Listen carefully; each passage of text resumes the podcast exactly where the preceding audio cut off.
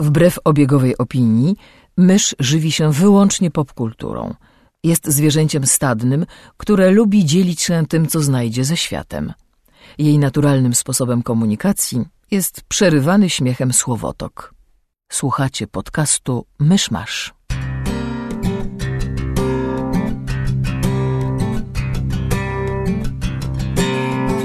Gospodarzami podcastu Myszmasz są Krzysiek Ceran, redaktor portalu Avalon. Kamil Borek ze studia Kobart. i Mysz, autorka bloga Mysza Mówi. Drodzy słuchacze, jest poniedziałek 9 lutego 2015 roku. Urodziny Chang Zi i Toma Hiddlestona. Zapraszam do 90 odcinka podcastu Myszmasz. Kim jest Zhang wiesz, kim jest Zi? Zhang? E, Za- Chińska aktorka grała-. W przyczajonym tygrysie ukrytym smoku. A, Ona grała wszędzie. Grała w wyznaniach gejszy. Ja nie wiem, bo jak, ty, bo jak ty coś zapowiadasz, to, to równie dobrze może być e, chińska cesarzowa z e, VI wieku. No. Było ich dużo. E, Ten na, na upartego pewnie grała. Dobrze, nie znam ani jednej, więc dla mnie to mogło być nawet By- chińska była, cesarzowa. była Cisi w XIX wieku, końcówka. I ta z cywilizacji piątej, której imię nie mogę sobie przypomnieć w Co tym ja momencie. zrobiłem? E, dobrze, drodzy słuchacze, mamy dzisiaj w e, podcaście dla Was niespodziankę. Zawitał do nas gość.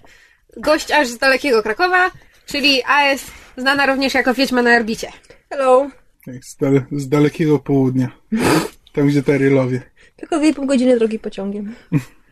E, I w ramach e, e, klasycznego, że tak powiem, rozpoczęcia podcastu z gościem, mamy do Ciebie jedno bardzo, bardzo istotne pytanie. Mianowicie, jakie są Twoje gigowskie korzenie? Tak, to jest pytanie, którego bardzo się obawiałam, ponieważ prawda jest taka, że ja nie mam bladego pojęcia, jakie są moje korzenie gigowskie, ponieważ wygląda na to, że ja się urodziłam po prostu już, już będąc fantastą. Nie pamiętam. Pamiętam wyłącznie to, że to we mnie zawsze było, że zawsze oglądałam takie filmy, zawsze mnie ciągnęło do takich seriali i powieści, ogólnie opowieści. Um, nie mam żadnej konkretnej daty, kiedy to się zaczęło. Zawsze grałam jako dziecko, oglądałam, wyrosłam na Indianie Jonesie i o Świątyni Zagłady na przykład. Y, Pasem myślę, że oglądałam Karmanezonowego Pirata, stąd moja niezwykła i głęboka miłość do awanturniczego kina przygodowego. Mhm. No ja każdy przechodziłam przez fazy anime, przez fazy growe, przez RPG jeszcze. Nie mam. Początku, końca nie ma. Po prostu zawsze to jest.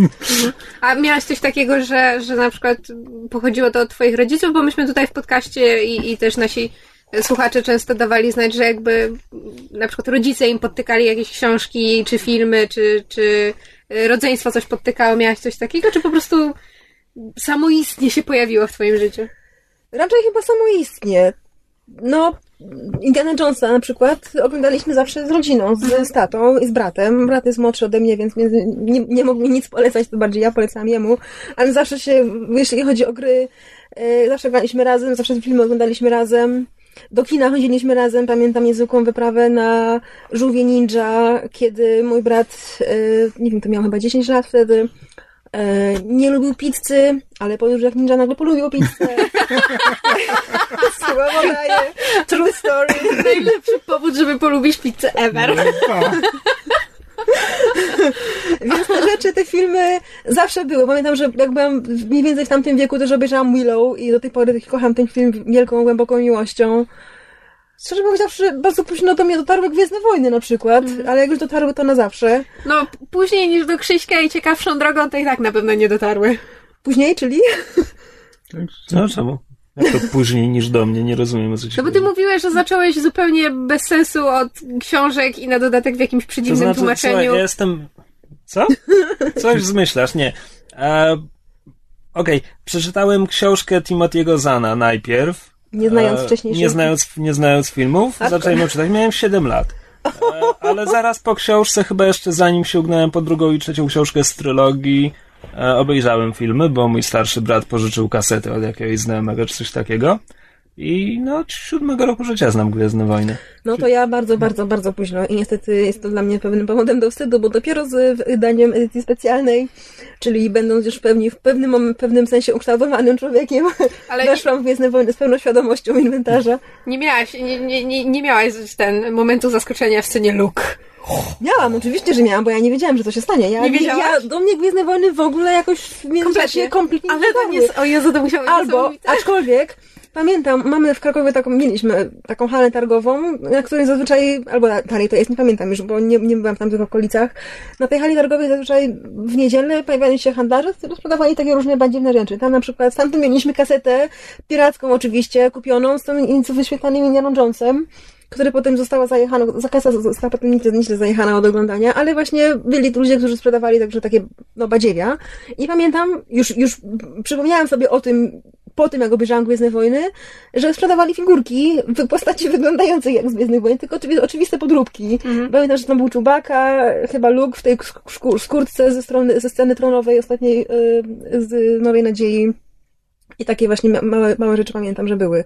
Ale fabularnie nie wiedziałam, co się stanie, aczkolwiek czytałam wcześniej książki, tu- tuż przed premierą filmu praktycznie. Czytałam te książki, te nowelizacje, żeby tak, nie wiem, po co właściwie tak to zrobiłam, ale czytałam. Tak znaczy, było dla mnie niespodzianką, co się No bo stało. zawsze najpierw czyta się film. Słuchajcie, ale śmiejemy się. Ja czytałem, przeczytałem kiedyś książkę Terminator 2 Dzień Sądu. Jezus, Dlatego, że była w domu, głównie. Ale Ale czemu była w domu? nie wiem, nie wiem, ale z niej na przykład, z niej na przykład dowiedziałem się, jakie było oryginalne czy alternatywne zakończenie, bo to mało, mało kto wie. Film miał się kończyć wizją alternatywnej przyszłości, gdzie nie doszło do wojny i dorosły John Connor jest senatorem e, czy kongresmenem, a e, podstarzała Sarah Connor ogląda go tam, jak występuje przed dziennikarzami i bawi się z wnukiem.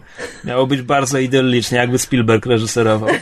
Nie, to jeśli I to chodzi o jest w książce. kiepskie nowelizacje, to ja pamiętam, przeczytałam trzy albo cztery książki z serii o przygodach młodego Indiana Jonesa. I to było straszne. Chyba jeszcze nawet gorsze niż e, e, nowelizacja przygód Sabriny Nastoletniej Czarownicy, których też przeczytałam Wow. trzy czy cztery tomy. Przeczytałem jedną w taniej, w taniej książce sprzedawali je po prostu hurtowo, więc jak żeśmy jeździli z rodzicami, no to to były tytuły, które coś mi mówiły, w przeciwieństwie do większości badziewia, które tam było sprzedawane. Więc jak już żeśmy jeździli, to kupowa, ro- rodzice kupowali mi hurtem te, te, te ileś tam tomów, ile było na wystawie. Ja je czytałam, ale teraz z perspektywy, no i jakby podobały mi się, no bo to były znajome postacie i wtedy się, prawda, właśnie, i, i że tak powiem, jarałam i, i Sabrina Następnie Czarownicą i, i, i, i, i młodym Indianą Jonesem, no, grał go Sean Patrick Flannery, czym, czym się tu nie jarać, e, ale dopiero z perspektywy czasu trafiło do mnie, bardzo to były złe książki. Czytałem jedną książkę z przygód młodego Indiana Jonesa, tylko że ona jeszcze była umieszczona w czasach przed Seanem Patrickiem Flannerem, czyli to jest Indiana ośmioletni Ale może. były, była seria z Indianą ośmioletnim, w sensie serial. Serial, no tak, był- serial zaczyna się jak Indiana jest małym chłopcem. Ja czytałam nowelizację Alienów yy, i pamiętam, jak je czytałam, że były bardzo fajne. bardzo mi się podobały, a potem dowiedziałam się gdzieś właśnie w internecie, że to są strasznie złe książki. I do tej pory nie, nie, nie, odwrócam, nie wnoszą do tego, dlaczego są złe. Nie wróciłam do nich, może powinnam, ale właśnie boję się, że, że mi się bańka ta moja, prawda, yy, pozytywna pęknie i będę mieć już złe wrażenia. Miałam z nimi całkiem, całkiem pozytywne doświadczenia. Ja mam podobnie z, e, z... To nie jest żadna adaptacja żadnego filmu, ale książka z serii Magic the Gathering. The Gathering. E, którą właśnie gdzieś kiedyś dostałem, przeczytałem, miałem nie wiem ile lat, naście, e, burza na draw. No i jestem przekonany, że to nie mogło być dobre, ale wtedy mi się podobało. Jakby nigdy do tego nie wróciłem i nawet nic z tego nie pamiętam, ale po prostu boję się teraz do tego wracać, bo to jest właśnie, to nie mogło być dobre, ale pamiętam, że było fajne. Ja Bo były ornitoptery i w ogóle. Zda- Zdarzają się dobre powieści licencjonowane w takich shared universe. Rzadko, bo rzadko, większość to chłam, ale czasami się trafiają. Znaczy, ja akurat myślę, że czasami warto jest wrócić do tych właśnie rzeczy z, z dzieciństwa i młodości, które wspominamy jako dobre, a z perspektywy czasu myślimy, że, że przecież to nie miało prawa być dobre. Nie ma sensu sobie psuć wrażeń, ale myślę, że czasami warto jednak do takich rzeczy wrócić. W ogóle jakoś dawanie drugich szans popkulturze jest mi bliskie, mimo wszystko. Bardzo pozytywne też. Tak jest. Kamil, jeszcze, bo wiem, wiem, że czekasz, aż ci to powiem. Druga chińska cesarzowa, ta, która była w cywilizacji 5, to Wu Zetian z VII wieku naszej ery. E, Z dynastii Zhou. What did you do? Już zdążyłem zapomnieć.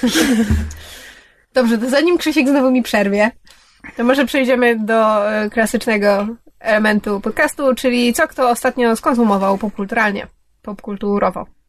Goście mają pierwszeństwo. O rany. Power Rangers. No w sumie to prawda. Ostatnio skończyłam swój, Jezus Maria, ósmy albo dziewiąty sezon, który oglądam, albo nawet więcej.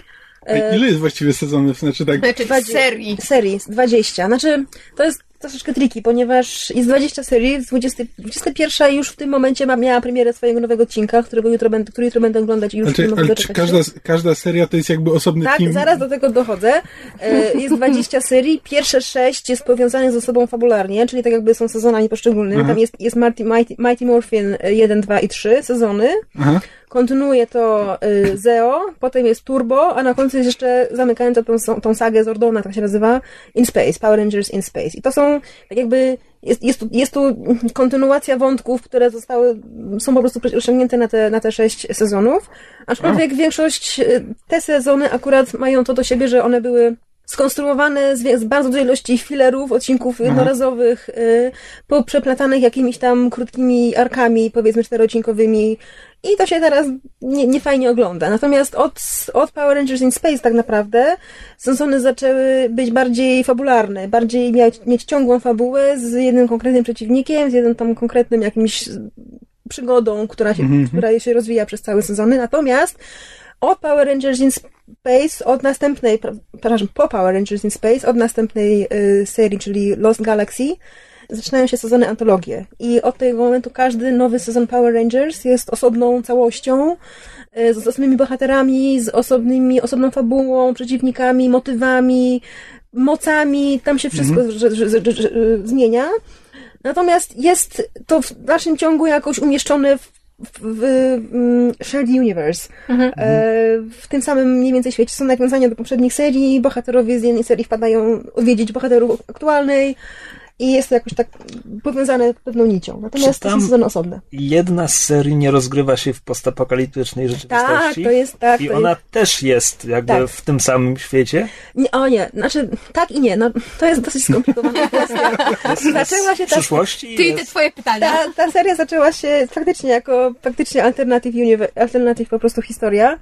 Natomiast w późniejszych seriach oj, to jest bardzo skomplikowana sprawa. Są e, przede wszystkim w Power Rangers Samurai jest jeden odcinek, w którym bohater właśnie tej apokaliptycznej e, wersji pojawia się w świecie aktualnych Power Rangers i na tej zasadzie można sądzić, że jest tam jakiś nie wiem, portal, przejście, cokolwiek. To jest bardzo trudno wyjaśnić. No wiadomo, że Power Rangers są wykorzystani z, wykorzystują ujęcia nagrane w Japonii, więc w japońskich y, sentajach, Super Sentai, to zupełnie inaczej wygląda, więc mając po prostu nagranie tego wojownika z tym wojownikiem, oni muszą to jakoś owinąć w jakąś tam roz, mniej więcej rozsądną otoczkę fabularną, no więc generalnie to jest osobna historia, która nie ma nic wspólnego z pozostałymi tak się tego się trzymajmy, tak najlepiej to określać. Tym bardziej, że to naprawdę jest najlepsza seria i y, faktycznie najlepsza, najbardziej spójna, naj, no, nie bójmy się tego słowa, mroczniejsza, najbardziej, najgłębsza, naprawdę ma głębię fabularną, są tam rzeczy, Nie, ale- się nie spodziewacie. Bo ty się tak, Kamil, śmiejesz, a żeby y, było śmieszniej, to znaczy ja pamiętam z mojego dzieciństwa w Stanach jeszcze Mighty Morphin Power Rangers i potem w Polsce też, tak co pamiętam, leciały jakieś o, odcinki. Natomiast ostatnio właśnie na blogu AF, czyli Wiedźma na orbicie, e, przeczytałam twoją notkę właśnie a propos najlepszych sezonów Power Rangers i słuchajcie, znaczy tak czytałam trochę na zasadzie Power Rangers, ale zaczęłam czytać i kurde, to brzmi strasznie fajnie i nie wiem, czy nie obejrzę jednego sezonu tak, tak po A prostu. któregoś żeby ciekawości, który ci głowy? Wie- Wiesz co, nie pamiętam, muszę znowu przejrzeć twoją notkę, bo tam jakby parę mnie zaintrygowało, wiesz, ja jestem, jeśli chodzi o popkulturę, to ja mam by- byle więcej, byle więcej, więc muszę sobie jakiś wybrać konkretnie, ewentualnie zagadam do ciebie, żebyś mi e, Oj, ten, bardzo po, po, pod mój gust wybrała odpowiedni sezon, ale nie, naprawdę brzmiało to strasznie, strasznie fajnie i jednak chciałabym w jakiś sposób wrócić do tego świata Power Rangers, bo umówmy się, Mighty Morphin Umówmy byli się. jacy byli, Mówmy się. a mimo to mam do tego Ja- jakiś nie, ja też, sentyment. ja też mam sentyment, bo jak byłem mały, to ja każdego ranka, jak to leciało, to ja wstawałem, siadałem przed telewizorem i musiałem to obejrzeć. I to nie było, wiesz, Nie ma to tam. Tak, ja tak, to nie było tylko tak na zasadzie, żeby ten, nie, to musiało, musiałem usiąść, obejrzeć cały odcinek i to pochłaniało całą moją uwagę. Ja jeszcze miałam, jeszcze poza tym, taką fazę y, poza serialową, jeśli chodzi o, Power, o Mighty Morphin, ja miałam, potem wymyślałam historię i prawie, że fanfiki w głowie pisałam sobie na tych bohaterów. Naprawdę to była wielka, moja wielka miłość. I właśnie jak Michał zaczął pisać na blogu Mistycyzm Popkulturowy o tych odcinkach, o tych sezonach y, z taką nie tyle z pasją, co tak bardzo rzeczowo, tak? Po prostu takim okiem, takim specjalistycznym, jakby naprawdę przysiadł do tego, znaczy nie jakby, po prostu przysiadł do tego i popatrzył na to bardzo rzeczowym okiem. I zastanowiłam się, kurczę blade, on pisze naprawdę o fajnych rzeczach, tych, które ja też w popkulturze bardzo lubię, e, w sposób właśnie poważny, głęboki, analityczny. I pomyślałam sobie, no, no cholera jasna, to nie może być takie złe.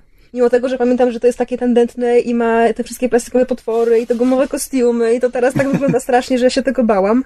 Stwierdziłam sobie, że nie no, zrobię to, no sp- sprawdzę, popatrzę, no i co, co się może stać? No i stało się to, że pokochałam, zakochałam się, od miesięcy oglądam, nie, nie, nie robię nic tylko oglądam Power Rangers, dostałam jeszcze kilka sezonów, których nie obejrzałam. Oczywiście, no, no oczywiście, no nie tknę tych poprzednich, tych starych pierwszych, bo to już sobie zniszczę całą swoją miłość, którą sobie wyrobiłam, ale naprawdę boję się tego i nie chcę sobie tego robić.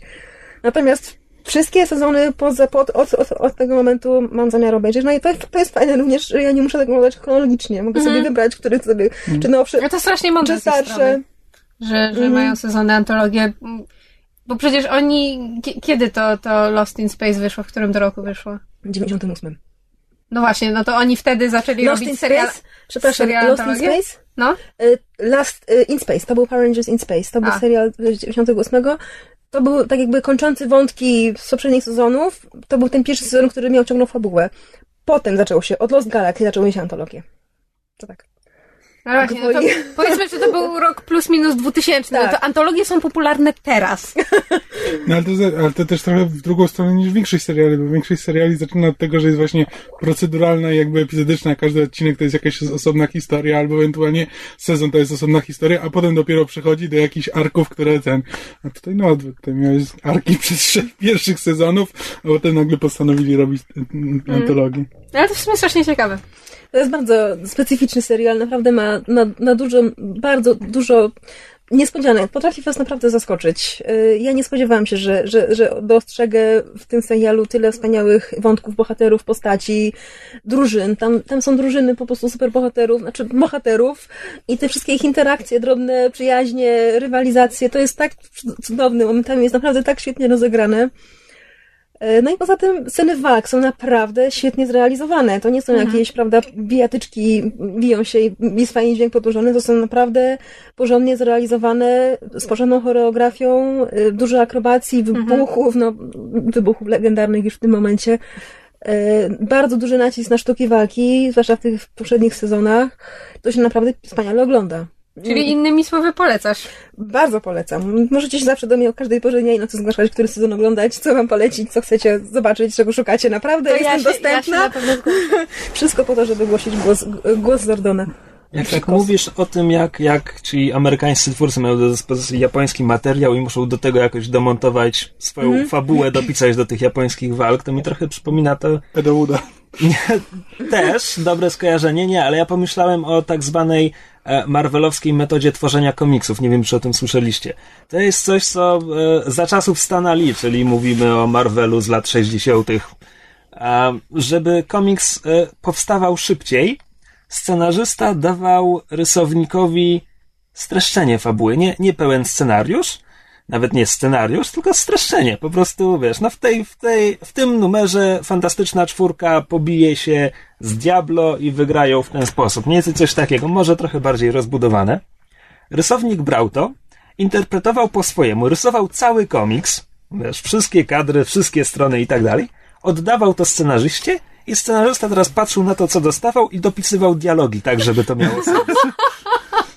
Wow. Seriously effed up. To była, to była metoda Marvela, a co więcej, to już trochę, to trochę inaczej. Czasami zdarza się, że ktoś w wydawnictwie znajdzie w jakiejś głębokiej szufladzie jakieś stare rysunki jednego ze starych mistrzów, Jacka Kirby'ego czy coś.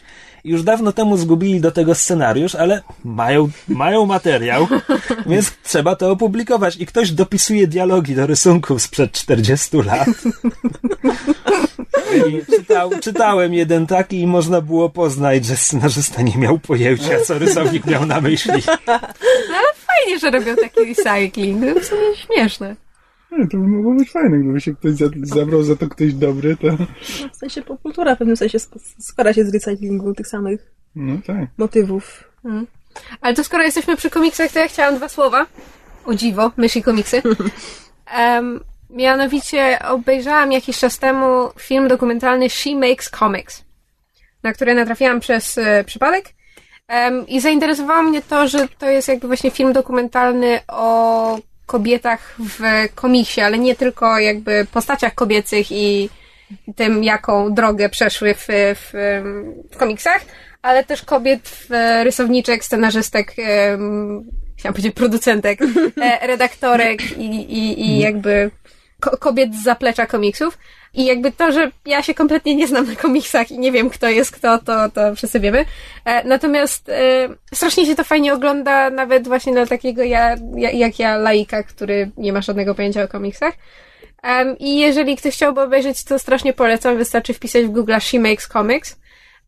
I za niecałe 10 dolarów można kupić digital download, czyli to tam jest 30-40 zł plus minus. I za właśnie tam niecałe 40 zł możecie sobie kupić wersję cyfrową do ściągnięcia i sobie obejrzeć. Jest to strasznie fajny projekt, bo jakby on, on film w ogóle powstał przez Kickstartera i, i teraz go można właśnie kupić i, i, i sobie obejrzeć. I strasznie mi się podoba idea wspierania właśnie tego typu, em, nazwijmy to sobie feministycznych projektów em, około komiksowych i jakby na tyle mi się to przydało, że jakby oglądając wywiady z, z konkretnymi na przykład rysowniczkami i scenarzystkami, wynotowałam sobie przy okazji parę komiksów właśnie typowo jakby tworzonych przez kobiety w domyśle dla kobiet, ale nie tylko dla kobiet, po które chciałabym sięgnąć, bo tutaj wiesz, chłopaki mi w podcaście bardzo często opowiadają o, o różnych komiksach i, i, i czasami sobie coś tam wynotuję i rzeczywiście po coś sięgnę, ale tutaj to jest rzeczywiście w jakimś tam stopniu mam wrażenie bardziej skierowane do mnie. Ja wiem, że nie powinnam tak mówić, bo, bo komiksy są bezpłciowe, ale jednak mam wrażenie, że Nie, gdy... komiksy są bardzo seksistowskie. To Znaczy, to, to bardziej chodzi mi o to, że, że mam wrażenie, że nigdy wcześniej jakby to, czy komiks jest skierowany do kobiet, czy do mężczyzn, konkretnie nie decydowało o tym, czy mi się podobał. Bardziej chodziło o, nie wiem, kreskę, fabułę, dowcip, czy coś takiego, ale w tym momencie stwierdziłam, że właśnie takie troszeczkę inne podejście do, do tematyki komiksu, takie bardziej kobiece, może mi pozwoli się bardziej wkręcić w temat. A przynajmniej będę miała może jakieś parę fajnych tytułów, żeby wam polecić. No. To jakby ktoś chciał, to She Makes Comics. Ale czekaj, to jest film, który co po prostu streszcza historię kobiet w komiksie, czy przybliża jakieś konkretne postaci twórczyń? Both. Czy... Okej. Znaczy jakby opisuje Ale jest zrobiony, żeby pokazać, jaki to jest seksistowski biznes, czy, Znaczy- czy jest właśnie tak pozytywny, że pokazuje, że może jest im trudno, ale jak chcą, to, to Znaczy, można. ja miałam, ja miałam mm, bardzo pozytywny odbiór. To znaczy, było wspomniane, że jakby, prawda, kobiety, em, kobiety w ogóle zaczynały w komiksie i najpierw były bardzo prężnie, znaczy dość prężnie się w, w komiksie, tam powiedzmy w latach, nie wiem, 40., czy nawet jeszcze wcześniejszych, um, udzielały i, prawda, rysowały do gazet i comic stripy i tak dalej. I dopiero potem, kiedy Marvel zaczął em, powoli, prawda, wzrastać potęgę i komiksy superbohaterskie za, zaczęły się robić popularne, to jakby wtedy rola kobiet systematycznie się zmniejszała. I mam wrażenie, że mimo jakby, znaczy w filmie mówi się o tym, że komiksy są i bywały seksistowskie, ale wydźwięk mam wrażenie jest przede wszystkim pozytywny, że, że mimo tego zawsze były i zawsze będą kobiety, e, twórczynie i rysowniczki, scenarzystki, które będą próbowały swoje, swoje komiksy wydawać i, i jakby zanosić do ludzi i że wystarczy dobrze poszukać, a że jakby obecnie współcześnie jest coraz lepiej, prawda? Mamy właśnie tam te Miss Marvel i nie tylko. I jest bardzo dużo też wywiadów właśnie z, z twórczyniami. Więc to jest naprawdę, naprawdę fajny film. W każdym razie mam wrażenie, że ty Krzysiek powinieneś obejrzeć. Niczego nie obiecuję. You're not gonna, are you? Strętny, no. Dobrze, to może ty nam powiedz, co widziałeś. Mm, niewiele, ale za to grałem sporo. I chciałbym o dwóch grach opowiedzieć, bo są ze sobą powiązane gatunkowo, jeśli nie tematycznie. Po pierwsze, Telltale wydało drugi epizod swojej gry o tron. The Lost Lords się nazywa. I tak, ma te same zalety co poprzedni, więc o tym już nie będę powtarzał.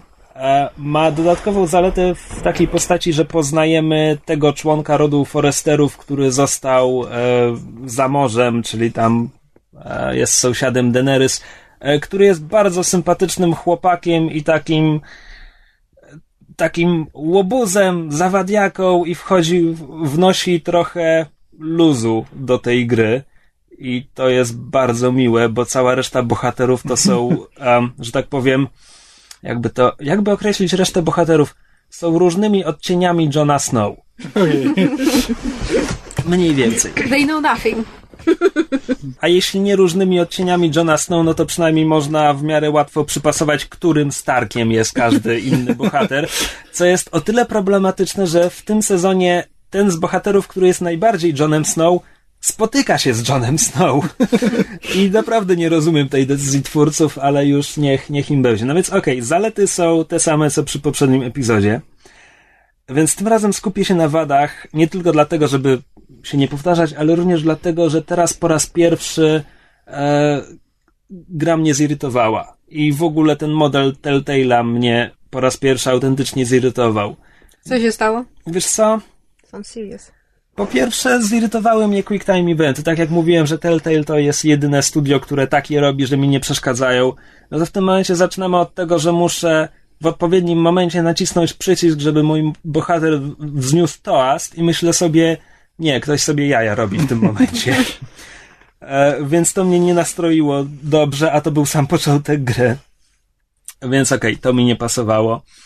E, strasznie skaczemy. Mamy czwórkę bohaterów w tym epizodzie i skaczemy między nimi okrutnie. Na zasadzie, że od choćby ten, ten Forester, co jest na wschodzie, okej, okay, on ma dla siebie dość długą scenę wprowadzającą, no bo nowa postać trzeba ją poznać, a potem przez całą resztę epizodu ma chyba jeszcze dwie sceny, z czego obie są tak po dwie minuty i praktycznie nic nie robi.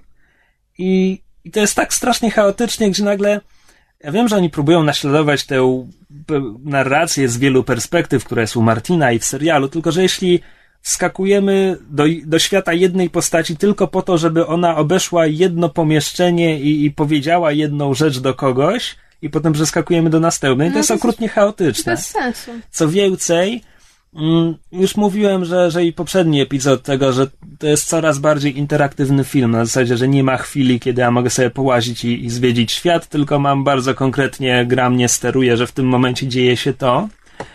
A przez co dawkowanie napięcia leży kompletnie, bo jest na maksa przez cały epizod. To znaczy, każda scena to jest coś się dzieje, jesteś zagrożony i tak dalej. I to po prostu zamiast mnie wciągnąć, sprawia, że gra zaczyna mi wisieć. Na zasadzie, im bardziej jest poważnie, im bardziej napięta jest sytuacja, tym bardziej ja widzę, że to, to jest wszystko, wiesz, dym i lustra i sztuczki i moje decyzje nie mają żadnego znaczenia. Mhm. Więc jakby w tym epizodzie coś coś się przerwało. Jakby przerwał się mój kontakt z grą, jakby. No, a do tego dochodzą małe, irytujące drobiazgi w rodzaju tego, że jakiś idiotyczny filtr nałożyli, który ma chyba sprawić, że żeby obraz sprawiał wrażenie, że, że jest namalowany. Chyba. Tyle tylko, że to oznacza, że krawędzie się są czasami poszarpane. To jest na przykład krawędź twierdzy, jest, jest poszarpana jakby tam korniki ją nadgryzły i, i wiatr przewiewał. I jeśli to jest tylko krawędź twierdzy, to okej, okay, gorzej jeśli to jest twarz postaci. Także coś, coś wymyślili z grafiką, co po prostu nie działa. E, a na dodatek to dopiero drugi epizod, a mamy już powtórki sytuacji z pierwszego epizodu, gdzie dokładnie o w tym, w tym wielkim hal, w tym w tej wielkiej sali zamku mieliśmy konflikt z tym wrogim lordem w poprzednim epizodzie i, i mamy go w tym epizodzie. Ale masz wrażenie, że jakby Telltale Games po prostu w tej konkretnej grze coś im poszwankowało z tymi Słuchaj, z tą jakby techniką, czy w ogóle myślisz, że ten po prostu system się już przejada powoli? Bo system może się przejadać, zwłaszcza, że w tym momencie oni pracują nad czterema grami na no Właśnie, bo to jest już Więc, któraś kolejny, któryś e, kolejny tytuł. A ja, być może to jest mój błąd, że ja postanowiłem grać we wszystkie, odkąd The Walking Dead mi się spodobało. Mhm. I dlatego po prostu to jest, to jest już jakby przesyt. A z drugiej strony to jest gra o tron, którą bardzo lubię w każdym wydaniu i w dalszym ciągu jestem w to zaangażowany, no tylko Mogło być lepiej. mogło być lepiej. No, ja też już trochę przy drugim sezonie Walking Dead już trochę tak miałem, że jakby to zagrożenie już mnie zaczynało męczyć, a nie przejmować. Tak, więc w tym momencie jakby, jakby to podsumować, no to pierwszy sezon Walking Dead był bardzo dobry, Mhm. mimo kilku drobnych potknięć. E, Wolf Among Us był bardzo ciekawy, bo był bardzo inny i miał bardzo fajny, e, charakterystyczny wygląd i klimat. No i wzorował się na komiksowych failpsach i ogólnie był sympatyczny. Nawet jeśli był beznadziejnym kryminałem, a główny bohater jest beznadziejnym detektywem, a to technicznie rzecz biorąc ma być kryminał noir.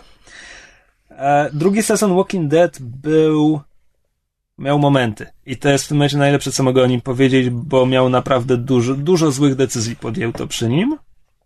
Mm, No a Walking Dead, tfu, jaki Walking Dead? Gra o Tron. Jesteśmy przy drugim epizodzie, więc nie chcę, wiesz, za Krakać. wcześnie, właśnie, bo może się okazać, że, że zaraz zrobi się dużo lepiej i będzie ciekawiej. No i są jeszcze Tales from the Borderlands, z którymi nie wiem, co się dzieje, bo pierwszy epizod wyszedł przed pierwszym epizodem Gry o Tron, drugi epizod Gry o Tron już jest, a o drugim epizodzie Talesów nic Cisza. nie widać, nic nie słychać. I to jest pierwsza gra, a drugą jest pierwszy epizod gry Life is Strange. I właśnie dlatego chciałem o nich opowiedzieć tuż koło siebie, bo na pierwszy rzut oka Life is Strange ze studia Don't Not, e, bez apostrofu, tak żeby się czytało tak samo w każdą stronę. E, To jest palindrom. Don't Not, nie kiwaj. E, Na pierwszy rzut oka to jest właśnie taka gra przygodowa, interaktywny film na modłę tych ze studia Telltale. Tyle tylko, że jak się przyjrzeć, to jest tam sporo różnic i to są różnice, które mi się spodobały. I może właśnie dlatego, że zagrałem w to i zaraz potem przesiadłem się na grę o Tron, to ten Telltale'owy model mnie, mnie zirytował. A o czym jest Life is Strange? Wcielamy się w 18-letnią dziewczynę, e, studentkę Akademii Sztuki. Lubi robić zdjęcia, chce zostać e, fotografką. I pewnego dnia jest świadkiem przykrego wypadku i odkrywa, że potrafi cofać czas. I wykorzystuje to, żeby zapobiec temu wypadkowi, no a potem zaczyna się zastanawiać, co dalej. To jest jeden wątek, drugi wątek jest wzięty wprost z Twin Peaks, bo pół roku temu zaginęła uczennica tej szkoły. Nikt nic nie wie i no w pierwszym epizodzie my też nic nie wiemy, ale jakby Czechow powiesił strzelbę na kołek, więc wiemy, że coś jest na rzeczy. E, I to jest drugi wątek. A do tego nasza bohaterka na samym początku ma wizję katastrofy, która wkrótce nadejdzie. A, I zakładam, że to jest trzeci wątek. A jeśli twórcy są zręczni, to wszystkie trzy wątki się jakoś splotą w jeden. Zobaczymy. Więc o tym jest Life is Strange. I jak w to się gra? Mm, No to jest właśnie taka lightowa gra przygodowa bez wielkiego nacisku na zagadki, chociaż ten mechanizm cofania czasu służy nam do pokonywania pewnych przeszkód. E, więc chodzimy sobie tak po lokacjach, e, możemy przyglądać się przedmiotom, rozmawiać z ludźmi, aż w końcu dochodzimy do jakiegoś przerywnika filmowego, który nam popchnie akcję do przodu. E, I ogólnie to jest dość liniowa fabuła. Mm, A do tego mamy takie ważne wybory, które są zasygnalizowane, że są ważne, dokładnie jak w grach Telltale, bo jeszcze mamy powiedziane, że ta akcja będzie mieć konsekwencje. Tylko, że, i to jest główna różnica, ponieważ nasza bohaterka potrafi cofać czas, to możemy wybrać bramkę A, zobaczyć co się stanie, cofnąć czas, wybrać bramkę B, cofnąć czas i potem zdecydować, które było lepsze. No tylko, że oczywiście mamy powiedziane, że konsekwencje będą w przyszłości, więc tak naprawdę nie wiemy, co będzie lepsze, no bo trudno nam to przewidzieć, a nasza bohaterka potrafi cofać czas tylko, tylko trochę. A co jest zresztą pierwszym, pierwszym problemem z grą, momenty, gdy gameplay nie pasuje mi do tego, co gra próbuje przedstawić, to jest właśnie kiedy a, mogę się domyślić, że ona potrafi cofać czas tylko trochę, bo, bo jak za długo przytrzymamy przycisk, to się chwyta za głowę, że ją głowa boli okej, wiemy, że fizycznie tego nie wytrzyma. Tyle tylko, że pierwszą taką ważną decyzję, którą możemy cofnąć, podejmujemy tuż koło wyjścia ze szkoły. I gdy się zbliżymy do drzwi po jej podjęciu, mamy powiedziane, kiedy opuścisz tę lokację, nie będziesz już mógł cofnąć czasu. Co zupełnie nie ma pokrycia w grze, no bo to jest, wiesz, trzy sekundy, żeby otworzyć drzwi i wyjść za drzwi, no tylko gra jest tak skonstruowana, że jak już zmienimy lokację, to wtedy nie możemy się cofnąć. E, więc tu się trochę kłócimy. Um, dobra. Coś, o czym muszę powiedzieć. Ta gra niesamowicie wygląda. To jest... Akcja gry toczy się w 2014 roku. Nasza bohaterka ma 18 lat. Ale to jest gra, która tak cię atakuje nostalgią. To jest, to jest nostalgia do współczesności. Po prostu masz grać w to i, i przypominać sobie, kiedy ty, Wczoraj. Kiedy, kiedy, nie, ma, masz, masz w to grać i po prostu przypominać sobie, kiedy, kiedy sama miałaś 18 lat. E, co jakby wie, wiele środków ku temu służy. Na przykład bohaterka jest zakochana w fotografii, ale w przeciwieństwie do całego świata robi zdjęcia polaroidem, bo jest analogową dziewczyną. E, więc mamy bohaterów, którzy rozmawiają o Kickstarterze i, i tak dalej, i posługują się dzisiejszym slangiem, e, ale jednocześnie jest piękny, wczesnojesienny dzień, popołudnie, wszystko jest zalane złotym światłem. Po prostu jakby wszystko było przepuszczone przez filtr z Instagrama. Muzyka. Muzyka to jest e, indie, folk, rock, po prostu plumkająca gitara i śpiew i też dużo licencjonowanej muzyki, Jose Gonzalez i, i tacy tam. I wszystko jest właśnie w tym stylu. Soundtrack jest bardzo przyjemny swoją drogą. E, więc zastanawiam się, jak ktoś, kto obecnie ma 18 lat, jak, jakby w to zagrał, jak, jakby na to zareagował. E, no bo ja mówię, ja w to gram i przypominam sobie 10 lat temu, kiedy byłem mniej więcej w wieku bohaterki. E, I to jest z jednej strony niesamowicie nachalne, ale z drugiej strony działa. To działa. E, okay. i na to teraz nakłada się interfejs, przez który wchodzimy w interakcję ze światem, bo kiedy mijamy, czy mamy w ogóle w polu widzenia przedmiot, z którym możemy wejść w interakcję, to na ekranie pojawia się napis, tak jakby narysowany ręcznie, ze strzałką w tę stronę, tak jakby ktoś pisał po zdjęciu. Tak? Jakby ktoś miał zdjęcie właśnie takiego polaroida na przykład i na nim podpisał swoją przyjaciółkę i strzałkę, tak? Więc to jest nasz interfejs, a żeby zaznaczyć, że możemy wejść w interakcję z przedmiotem, to ten przedmiot, jeśli jest mały lub średni, pokryje się kreskami, tak jakby ktoś go zarysował, albo jeśli jest większy, to po prostu zostanie wzięty w takie kółko narysowane na ekranie. Co brzmi fajnie i kiedy kamera jest dobrze ustawiona, wygląda fajnie, tylko że tu zaczynają się problemy. Po pierwsze, jak ci się przedmiot nagle pokrywa kreskami, to nie widzisz na co patrzysz. Tak, podstawowy błąd. Po drugie, jest strasznie nieintuicyjne, bo kiedy już możesz wejść w interakcję z przedmiotem, to musisz wcisnąć przycisk myszy, przytrzymać i przeciągnąć kursor w kierunku, bo dookoła tej nazwy przedmiotu pojawiają się teraz akcje. Popatrz, e, porozmawiaj i tak dalej. Więc musisz nacisnąć przycisk i trzymając przeciągnąć go w kierunku tej akcji. To jest tak niesamowicie nieintuicyjne, że na samym początku gry po prostu zajął mi dobrą chwilę zrozumienie, czego gra ode mnie chce. E, więc to jest dziwny wybór. I wreszcie, żeby z czymkolwiek wejść w interakcję, musisz być bardzo blisko tego przedmiotu. To znaczy, jeśli to mi znowu jakby rozwala moją imersję, bo ja chcę tylko spojrzeć na tego chłopca po drugiej stronie korytarza, ale to nie działa. Muszę wbić moją bohaterkę niemal tak, niemal w niego, żeby, żeby móc wykonać akcję. I kiedy mówię, że to mi rozwala imersję, to pier, y, gra się zaczyna, mamy prolog, mamy pierwszą dłuższą sekwencję y, w trakcie lekcji i nasza bohaterka już po zajęciach potem nasza bohaterka wychodzi na korytarz, opiera się o ścianę, wkłada słuchawki do uszu, puszcza sobie właśnie plumkającą gitarę z MP3 i rusza przez korytarz. I w tym momencie zaczynają się napisy początkowe, mamy tytuł gry, parę głównych ludzi, którzy to robili i idziemy przed siebie, ale to jest przerwa od zajęć, więc korytarz jest wypełniony uczniami i możemy wchodzić z nimi w interakcję. No ja chcę się dowiedzieć, kim oni są i tak dalej, więc chcę posłuchać, co moja bohaterka o nich myśli.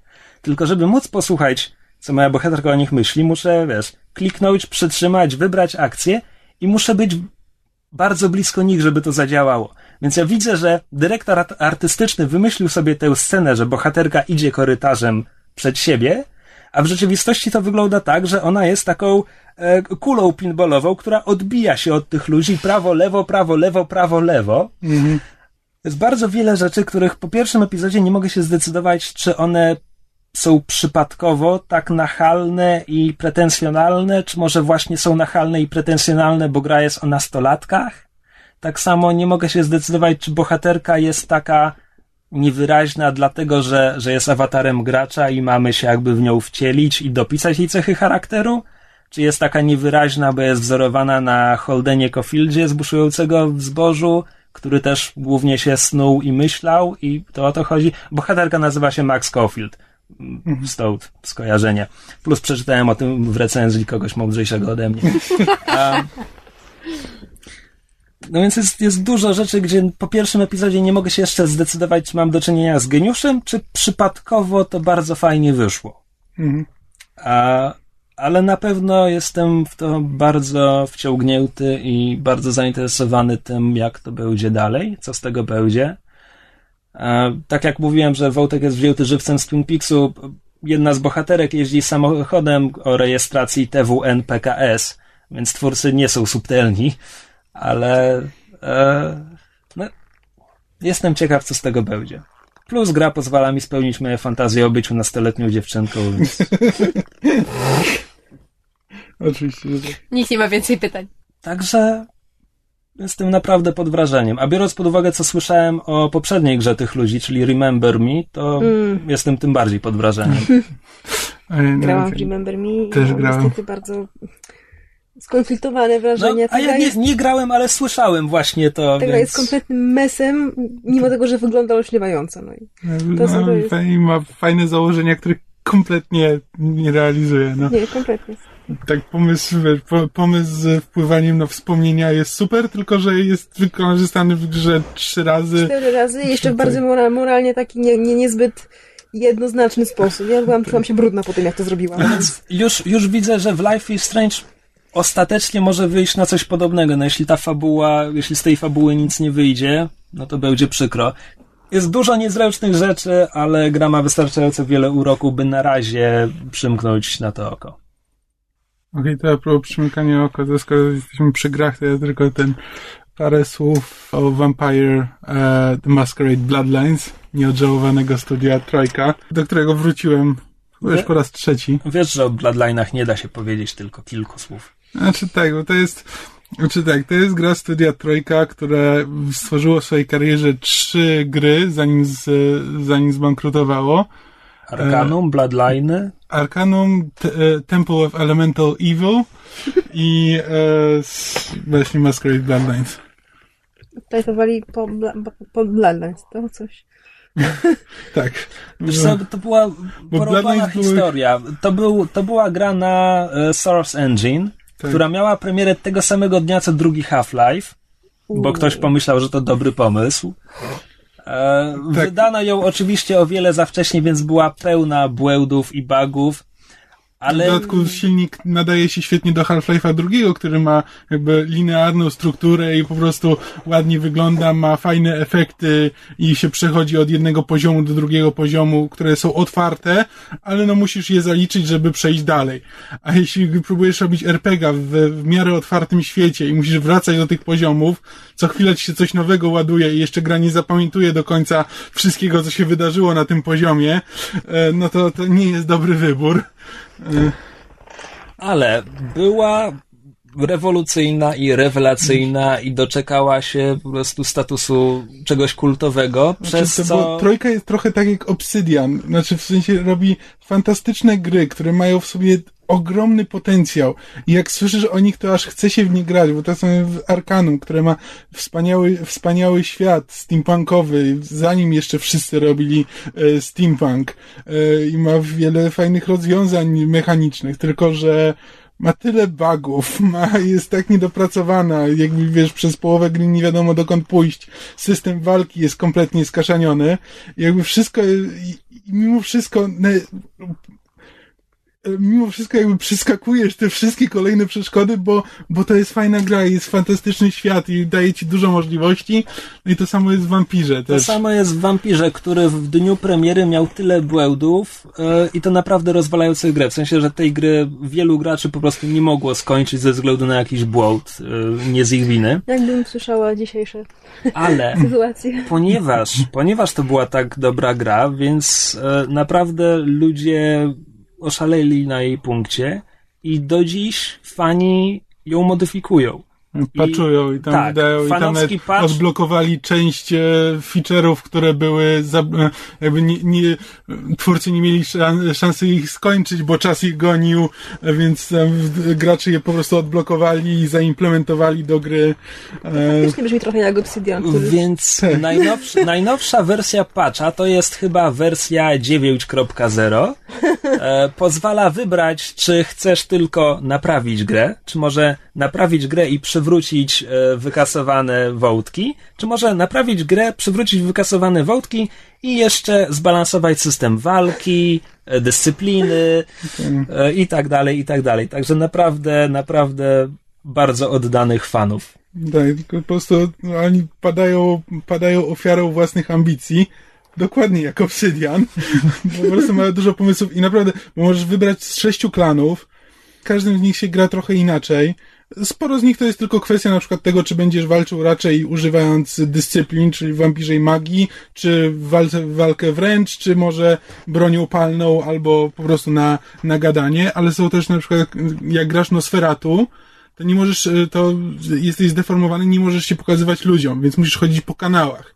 I musisz cały ten, nie możesz po prostu sobie pójść na ulicę, tylko musisz przejść z jednego miejsca do drugiego kanałami, albo korzystając właśnie z dyscyplin się schować i musisz cały czas uważać na to, żeby cię ktoś nie zobaczył, bo... Bo dodajmy może, że to jest gra oparta na papierowym świecie mroku. No właśnie chciałam powiedzieć, że ogarnęła mnie straszna nostalgia, żeby zagrać w vampira E, na więc, więc papierze. właśnie rozgrywa się w tej samej rzeczywistości i mamy te wampirze klany z...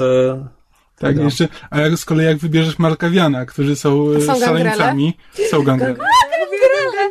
Kotku, mogę pograć? Tak, po, i powinnaś. Jeśli masz zamiar w cokolwiek grać, to myślę, że spokojnie mogłabyś zacząć od Bloodlinesów. Gangrel Rubik. Znaczy, je, gdyby to miałaby być gra na początek dla kogoś, to ja bym myślę Life is Strange polecił, bo powinno No właśnie- się spodobać, a na dodatek jest prostą grą, w sensie No kontakt dodatek z jest grą jest... nastoletniej dziewczynce, akurat dla ciebie, Mieszu. Nie, no po prostu, no to, to jest gra, która nie wymaga wiele zrozumienia, jak działają gry i tak dalej. Nie oburzę się. Chodzi mi po prostu o to, że okej, bo my z Kamilem jesteśmy graczami IAF i po prostu my myślimy o grach, wiemy jak Ale to ja działa, wiem. ale zmierzam tylko do tego, że wiesz, daj, daj, nie wiem, komuś z pokolenia naszych rodziców zwykłe zadanie, pójdź tam, zrób to i samo ogarnięcie, jak się naraz chodzi i rozgląda za pomocą myszy, okazuje się problemem nie do przeskoczenia. Więc... No, mysz grała, no mysz grała w Morrowinda i jakby nie, mechanika jakby nie stanowi dla niej problemu. A myślę, że wiesz, Prędzej bym miała problemy świat. z konsolą niż z, ze starą mechaniką klawiaturową, no bo to jest mi jeszcze bliskie. Czasami sobie nawet jeszcze odpalę Morrowinda, co prawda ledwo wydoli na moim starym laptopie, ale dlatego mam nowego laptopa.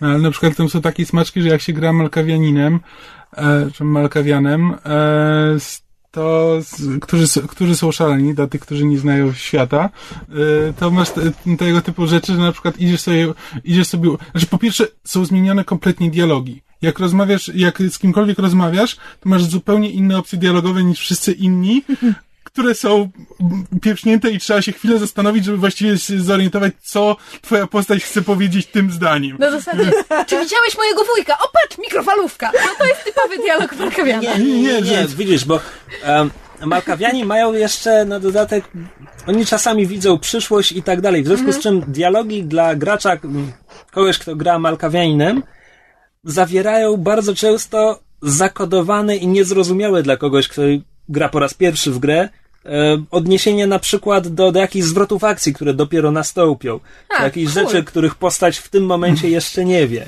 W związku z czym ja popełniłem na przykład taki tragiczny błąd, że wybrałem Malkawianina na moje pierwsze przejście gry.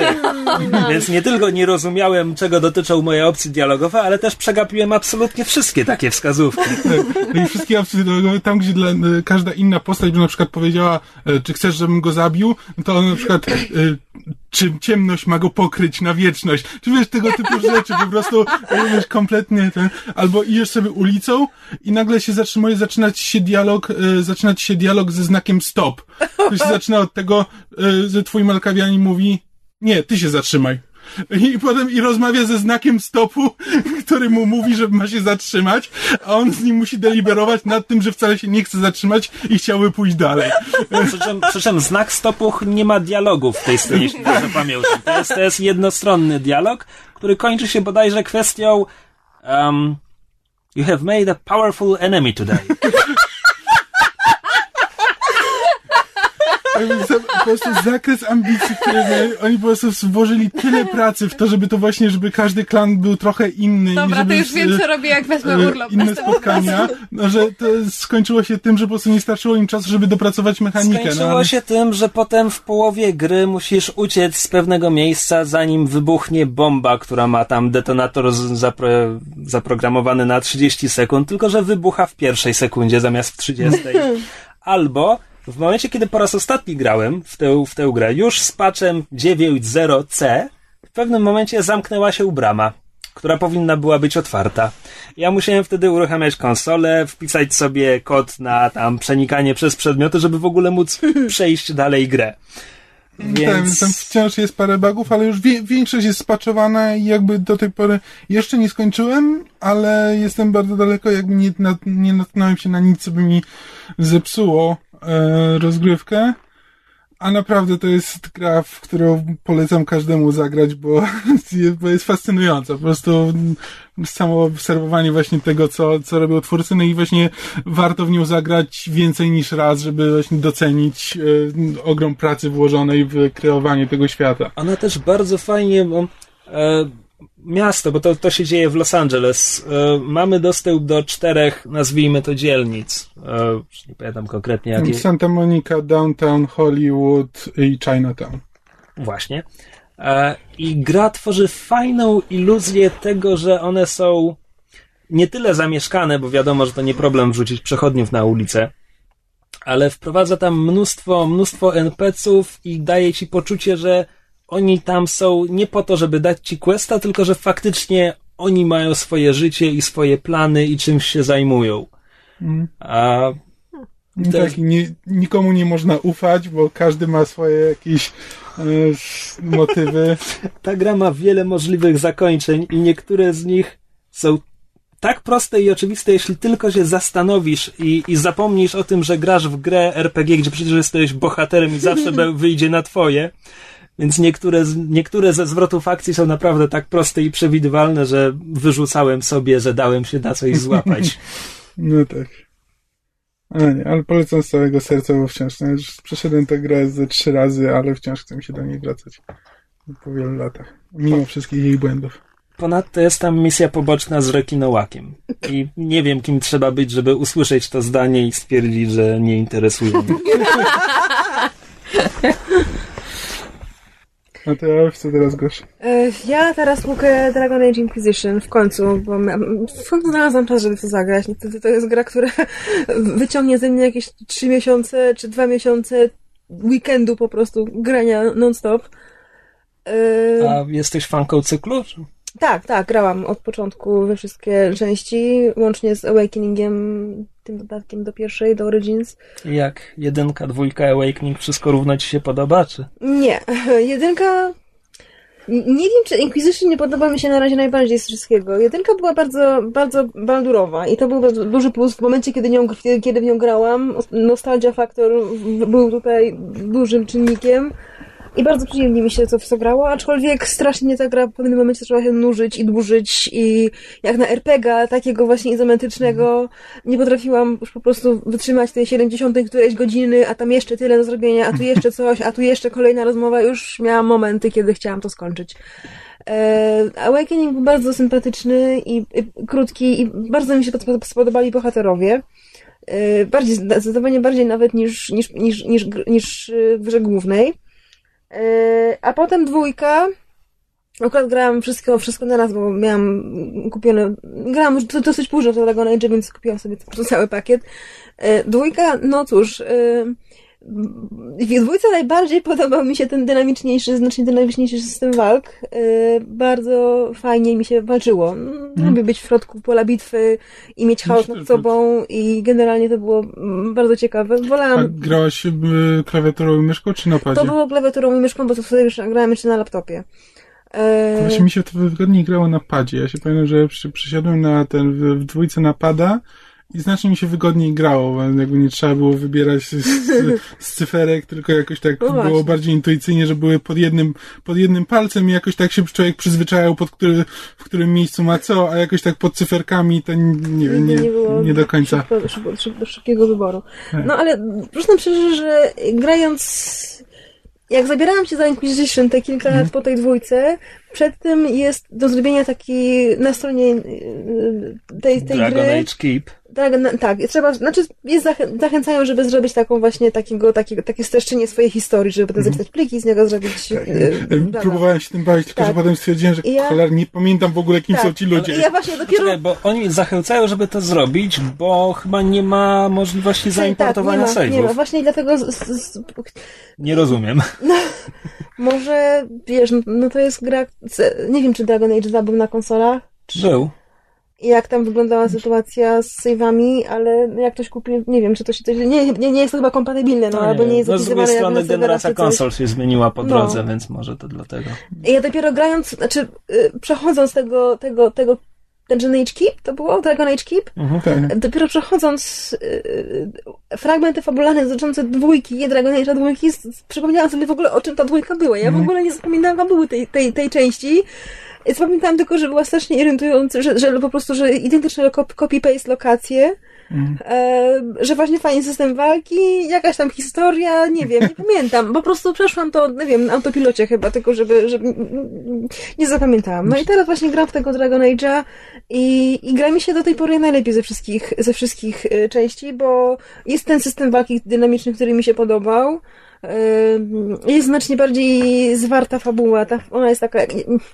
Bardziej mi chyba odpowiada e, ratowanie świata, a nie jakiegoś małego, zapyziałego miasteczka, które ma jakieś tam ważne, znaczenie, ale o, nim- nie wiemy, bo nie znamy żadnego wycinka innego kawałka poza Kirkwall w dwójce i, i to było takie straszne zdomestyfikowane, że tak się wyrażę. Nie, nie akurat było, to nie było, jest zaleta dwójki. Właśnie y, dla, dla mnie też, bo jakoś tak już ratowanie świata mi się ja właśnie przyjadło. chciałam wyjść poza te mury tego miasta i tam wszystko było, i jeszcze to rozciągnięcie czasowe na te 15 lat, to było tak strasznie Ale sztuczne i irytujące. Widzisz, okej.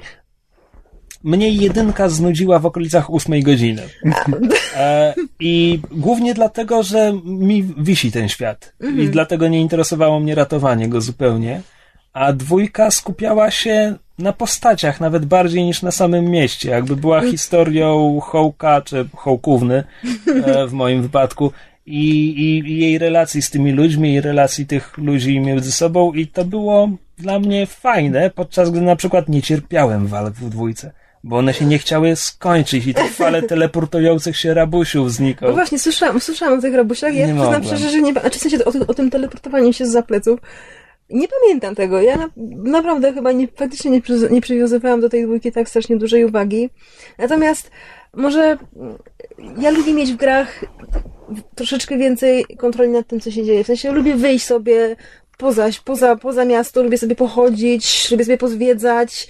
Więc bycie zamkniętą w tym jednym mieście, mimo tego, że tam się działy dosyć ciekawe y, rzeczy dotyczące postaci, w miarę ciekawe, jakoś czułam się po prostu za bardzo ograniczona. Ja Okej, chciałam się to, słysząc to mogę powiedzieć, że nigdy w życiu nie polecisz żadnej gry Telltale'a w takim razie. I właśnie, słuchaj, y, muszę ci powiedzieć, że słuchając twojej historii, przypomniałam sobie swoją własną y, przygodę z pierwszym sezonem The Walking Dead. Pograłam jakieś pół pierwszego odcinka i... Nie, nie, To, to, nie. jest, to jest roller coaster. Nigdy, nigdy nie jesteś za kierownicą. To No właśnie, ja nie mam, nie mam możliwości nawet pokierowania bohaterem. Znaczy, mam, tam się chyba trochę chodziło, ale E, tak Trochę się bardzo... chodziło, ale jest wiele scen, gdzie na przykład ci mówią, no graj teraz, a jedyne co możesz zrobić, to nacisnąć w przód, Dokładnie. żeby bohater szedł w przód. Ja nie powiem, ja, ja lubię, nie, lubię sobie, lubię po prostu mieć kontrolę nad rzeczami, lubię być dumna z czegoś, że raz coś zrobiłam, że taktyką, strategią pokonałam tych przeciwników, że namęczyłam się, że przeskoczyłam, że, że dotarłam gdzieś, że, że, że po prostu wykonam jakieś zadanie sama ja, a tu mam tylko do wyboru dialog albo przesunięcie kamery. Jestem w stanie to Przepraszam, skoro, skoro i tak mówimy teraz o Telltale'u, jeszcze jedna przewaga Life is Strange nad wszystkim Telltale'a. Y, Zero quick time eventów oraz nie ma licznika czasu przy dialogach. Który, ja wiem, ja wiem, że on jest po to, żeby dialog był bardziej kinowy i żeby był na szybko, ale w grze o Tron jest podkręcony tak idiotycznie, gdzie masz naprawdę ważną rozmowę z Tyrionem Lannisterem, który wymaga od ciebie odpowiedzi w trzy sekundy. Ja, na, ja nawet nie. Okej, mam czas, żeby przeczytać moje odpowiedzi, ale nie mam czasu, żeby zrozumieć, co one tak naprawdę znaczą i jakie Mhm. konsekwencje się z nimi wiążą. Nie, ja bym chyba nie był Po prostu grać. licznik czasu w dialogach jest tak idiotycznie podkręcony w grze o Tron. Przepraszam, mów dalej. Nie, spoko, spoko.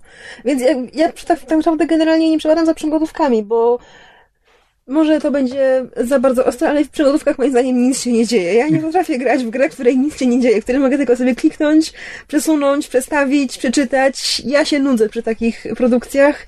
Ja muszę mieć przestrzeń do biegu, muszę sobie pobiegać, muszę sobie powalczyć, muszę sobie pomyśleć, pokombinować, ym, poskakać, powdrapywać się, no po prostu poruszać się, żyć w tym świecie. I, i ja się dusiłam się faktycznie trochę w tym Dragon Age'u, natomiast w Inquisition do tej pory naliczyłam jakieś 53 godziny i zrobiłam może dwa czy trzy questy główne, bo pojawam się po lokacjach, e, po tych, tych dodatkowych.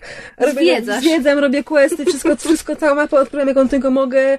Wszystkie ikonki czyszczę na, na porówno, bo ja nie potrafię być na mapie i nie czyścić ikonek, bo one ciągle migają i ja nie mogę, tak, bo jestem, nie da się, no. Ale Muszę, znam to, to muszę tak, to jest, to jest okropna choroba. E, no więc, nie wiem, to będę w ten weekend, ak- akurat w weekend, wracam do domu, mam teraz urlop, co będę robić? Cóż.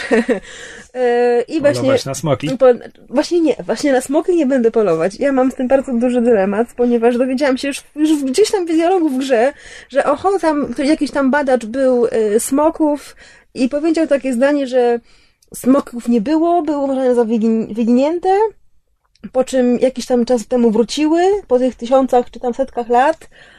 I ja sobie myślę, okej, te legendarne, wielkie, cudowne bestie wróciły do, do, do, do świata, y, które opuściły, tylko po to, żebym ja jako gracz mogła je zabić. No nie bardzo. Doskonale cię rozumiem. Ja też uwielbiam smoki i przez to jeden z moich pierwszych problemów ze Skyrimem był taki, że ja nigdy nie czułem, że ta gra dała mi powód, żebym zabijał te smoki. No właśnie, i to z tego, co z tego, że. Znaczy, ja rozumiem, że, że smoki dają strasznie fajne dropy, że można z nich sobie wykraftować nie wiadomo jakie zbroje, i bronie, i przedmioty. Ale to I że to smoki. jest takie fa- Właśnie, ale to smoki. Ja, ja zresztą pamiętam sytuację, jaką miałam grając w Dragon Age y, Origins. Jest tam mm, lokacja, w której przebija się przez, jaski, przez jakąś skały jaskinie ze smokami. I zanim się dojdzie do jakiegoś dużego smoka matki, to trzeba się przebić przez smoczątka, przez małe smoczki. Te małe smoczki, one nie są takie małe, one są takie, no jak raptor, dinozaur raptor, no, no ale smok, no mały smok. I i zabijać te smoki, ja po prostu płakałam wewnątrz siebie, że muszę je zabijać i stwierdziłam, że nie, nie, nie, nie, nie chcę więcej czuć e, tego uczucia. I ja teraz po prostu smoki, okej, widzę smoka, lata sobie nade mną, Iron Bull się cieszy, zajebiście, no way. będę mieć trudniej, nie będę mieć zajebistych zbroi, ym, będę sobie, będę mieć podgórkę, ale, ale nie będę zabijać smoków, bo, bo, bo, je, bo mogę. No dla mnie to nie jest powód. E, czytałem, że żeby mieć najlepszy sprzęt w Inquisition, to i tak najlepszy jest z no, stworzenia przedmiotów, jak się zbierze tam No, znaczy w sensie jakieś yy, craftingu. surowce, tak? craftingu, tak, nie No, no, mogę no. sobie przypomnieć słowa. Tak, tak. Znaczy, no, dropy ze smoków są też do craftingu A, przydatne, aha, więc, okej. Więc one są naj, mają chyba największe bonusy. No nie wiem, tak słyszałam, no, ale zresztą w grach RPG zawsze ze smoków są najfajniejsze rzeczy. ale nie, naprawdę, nie czuję, jakby, jakby mnie zaatakował, albo był zły, albo był, z, mm, mówiłby do mnie jakieś rzeczy chciał mnie, chciałby mnie zabić, y, bo miałby jakiś powód ku temu, a nie, a nie tylko dlatego, że taką ma naturę, no to może bym wtedy jakoś broniła się, prawda, przed tym smokiem, a tak to już po to, żeby go ubić, Tak się nie. zaczęłam teraz zastanawiać, co by, jak, jakim stworem albo zwierzęciem te smoki musiałyby być, żeby nikt nie miał żadnych problemów Tak. z zabijaniem. A, ja- bo- a jest tam też taki quest po Pająki? prostu zabija, o zabicie jakiegoś niedźwiedzia, który atakuje Pająki konwoje. tak, tylko z drugiej strony wtedy podejrzewam, że jedna trzecia graczy by automatycznie odpadła pod tytułem Nope, ogromny pająk, nope, nope. Do, Ale do pająki- były mody, które, żeby zastąpić wszystkie pająki w grze niedźwiedziami. Ja bym akurat pająki biła, ale niedźwiedzi nie ma mowy. Jest, nawet w Inquisition jest taki quest, że trzeba zabić jakąś niedźwiedzicę, która y, atakuje konwoje tam y, w- w- wojaży, w sensie wojaży, co ja gadam, wojskowych inkwizy- inkwizycji. No i jest quest, żeby iść zabić Albo zajebista niedźwiedzia. niedźwiedzicia, albo beznadziejni No i ja, wojskowi. I ja poszłam do tego, do tej jaskini tej niedźwiedzicy, bo mi ikonka miga i patrzę, że mnie atakuje I miałaś, cub. i miałaś wizję No. Bambi. I atakują mnie po prostu małe misie. Znaczy, no, one są duże, ale pisze, że to jest bear cub. I ja sobie myślałam, nie, nie, nie, nie, nie. Nie będę myśliwym z Bambiego, nie, nie. będę myśliwym z Bambiego. Nie, nie, nie wchodzę w to. Po prostu mam w nosie tą ikonkę, nie widzę tej ikonki i nie ma jej tam tej ikonki. Ale ja miałem podobny dylemat moralny przy Far Cry'u trójce, gdzie też, żeby z, sobie upgrade'ować sprzęt, trzeba było, wiesz, tam, nie wiem, zabić trzy strusie. Mój brat Em, grał w Far Cry'a 4 teraz i on potem przyszłam zobaczyć, jak on tam gra, popatrzyłam, o jakiego masz fajnego tygrysa, takiego białego y, towarzysza tygrysa, on ma jakiś chyba jeszcze był jego, jego y, wierzchowcem, więc taki fajny tygrys, o jaki fajny, prawda? On jest nieśmiertelny, on tam się może odradzać. O, no, brat mi powiedział, no ale wiesz, musiałem za 40 tygrysów zabić, żeby go zdobić. No. Okej, dzięki za to. widziałem gif z czwartego Far Cry'a, gdzie ktoś podrzucił jakiś tam ładunek wybuchowy i akurat zaatakował go niedźwiedź i ładunek wybuchowy robi do czego go stworzono. On wybucha, wyrzuca niedźwiedzia w powietrze i niedźwiedź zbija orła, który właśnie nadlatuje, by zaatakować gracza. Okej, to jest akurat śmieszne.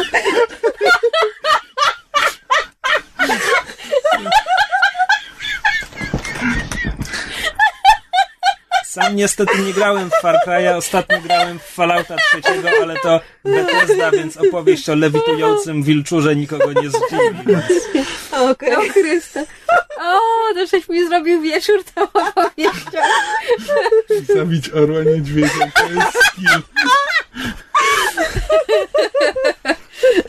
Mam teraz wizję takiego wojownika, który siedzi gdzieś przy ognisku ze znajomymi w skórze niedźwiedzia i z takimi ogromnymi skrzydłami na Ja głowie. mam wizję piosenki Ma- Wirus Maxa. Widziałam? Widziałam? Rosię, Zabiłem go niedźwiedziem.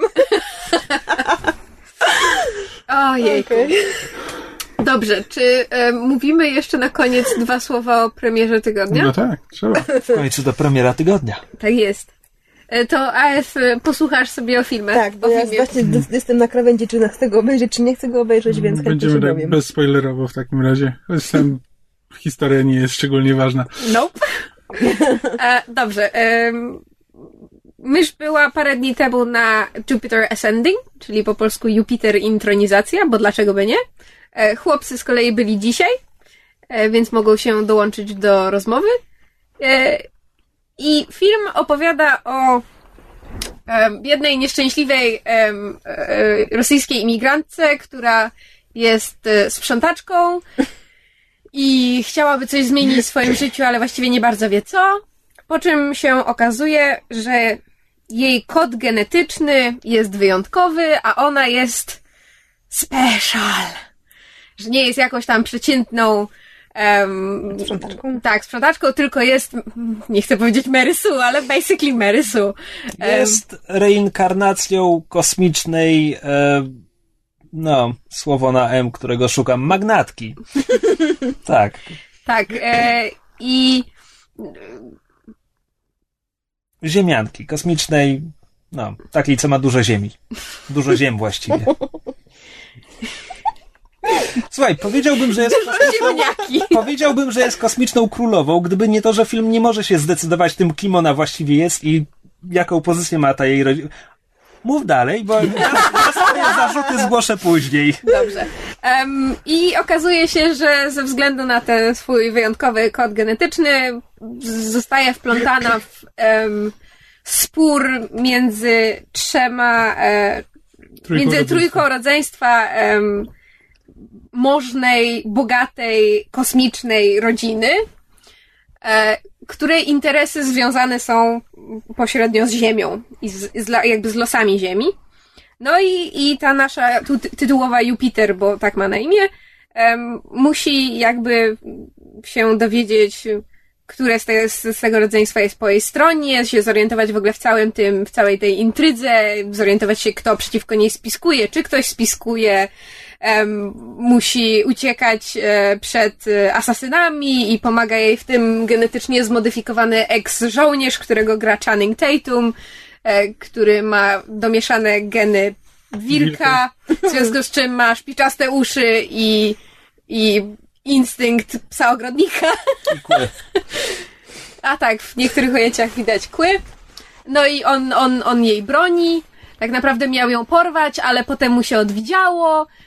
I gdzieś tam jest po drodze Sean Bean i Eddie Redmayne i, i w ogóle jest wesoło i no. To jest basically kosmiczna space. Znaczy, to jest space opera mydlana. To jest takie Dallas w kosmosie, to z, ponieważ ze zwierzem popkulturalnym byliśmy e, razem na sensie, to e, żeśmy u, ukuły taki termin. I jest on moim zdaniem nader trafny. Em, I jakby tylko chciałam zaznaczyć, że ja się na filmie fantastycznie bawiłam, bo a mnie nie przeszkadza, jak filmy są głupie. Tak długo, jak się dobrze bawię, a akurat mam wrażenie, że film zapewnił odpowiednią dawkę rozrywki. Po drugie, jest, film jest pięknie zrealizowany, przemyślany wizualnie i jakby sam świat, który rodzeństwo Wachowskich wykreowało w Jupiter Ascending bardzo mi się spodobał, bo to jest jakby ten świat, w który zostajemy wrzucony, w który zostajemy wrzuceni wraz z bohaterką. Nie jest nam wszystko tłumaczone, tylko pewnych rzeczy się dowiadujemy stopniowo i jakby widzimy tylko wycinek tego świata, możemy się jedynie domyślać, co jest poza jego granicami, bo jakby mam wrażenie, że Wachowcy na tyle nam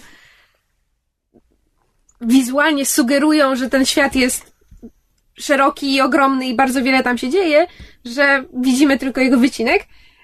Natomiast myśmy ze zwierzem były na, na pokazie w, i to było w, em, tym sali Skoda 4DX. I to był mój pierwszy pobyt w tej sali, gdzie fotele się bujają i trzęsą, i gdzie wiatr ci szumi, i kule ci latają koło głowy, bo są takie śmieszne dysze powietrzne w oparciu fotela, więc słyszysz, wiesz, dmucha ci koło głowy, jak kule koło ciebie Czy w latają. scenach, I, które I kwiaty ci się- pachną i w ogóle. Czy w scenach, które rozgrywały się w próżni, wypompowywano wam? Nie, ale znaczy, słuchajcie, to było, to było. Ma- Mam wrażenie, że akurat Jupiter jest na tyle podpasowanym filmem pod tego typu salę, że, że to drżenie i te błyski i to, te, to dmuchanie nie odbierało, znaczy jakby nie, nie wybijało cię z sensu, tylko raczej go pogłębiało.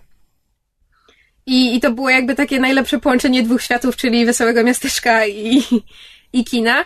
I muszę powiedzieć, że zwłaszcza mam wrażenie w scenach akcji bardzo dużo dało, dlatego że w filmie jest jedna ośmiominutowa scena akcji, bo wy byliście na, jakby na normalnym sensie, więc jestem ciekawa, jakie jest wasze zdanie, ale mam wrażenie, że... byliśmy na 3D. No, ja też byłam na 3D, ale to nie o to chodzi. Po prostu mam wrażenie, że gdybym była na normalnym seansie i widziała tę 8-minutową scenę akcji, to nieważne jak ona jest wypasiona i, i fajnie y, rozplanowana i jaka jest choreografia i ile tam się dzieje i w ogóle wszystko wybucha, nieważne jak to jest opracowane, 8 minut jest za długo. A w momencie, kiedy siedzisz i cię buja na lewo i prawo i trzymasz się z całej siły fotela, żeby z niego nie wylecieć, bo ważysz tyle, ile ważysz i fotel zaraz cię wyrzuci po prostu. Siła rozpędu. To jakby mam wrażenie, że bez tego to jest trochę za dużo. Ale która sekwencja trwała 8 minut? Finał? Czy... Nie, pościg, em, pościg Chicago. A, okej. To było 8 minut? Tak. Właśnie ja wcale tego nie odczułem. Aha, czyli to po prostu... Nie, bo mówię, no... Ja nawet pamiętałem, bo ja pamiętałem że ty mówiłeś, że jest taka bardzo długa sekwencja na początku i ten, i okej, była s- właśnie, był pościg tam w Chicago, ale potem sobie, teraz już? To było 8 minut? Aha, czyli jakby nie- wam nie. też się to nieźle oglądało. Nie, to dobrze, bo ja mówię, nie wiem na ile to, Mhm. prawda, trzęsienie i bujanie i te takie triki wpłynęły na to, ile ja wyniosłam takiej frajdy i rozrywki z tego seansu. Patrząc na minę Krzyśka, podejrzewam, że on się trochę gorzej bawił. Um, Słuchaj, bo ja szedłem na ten film nie wiedząc nic. Pół, pół roku temu widziałem jeden zwiastun, No. A, więc myślałem, że idę przynajmniej na kompetentną space operę. A, przez co mam na myśli, że na przykład, że ten space będzie przemyślany i będę mógł się zorientować, co tak naprawdę twórcy wymyślili i jak ten świat wygląda. A world building tutaj leży, tutaj nic nie pasuje do siebie i informacje, które dostajemy, nie mają sensu, albo przynajmniej kontekstu. A, I po prostu. No, byłem mocno rozczarowany, bo okej. Pocztówki bywają ładne. Niektóre, niektóre wnętrza są bardzo ładnie namalowane w komputerze.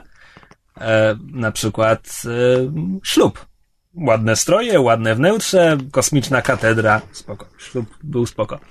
A, natomiast już jak przy, przyjdzie do designu niektórych kosmitów, to niektórzy są w porządku, na przykład, że tak powiem, szaraki, bo mi się przypominały kosmitów z, z XCOMu, więc bardzo kibicowałem małym szarym ludkom.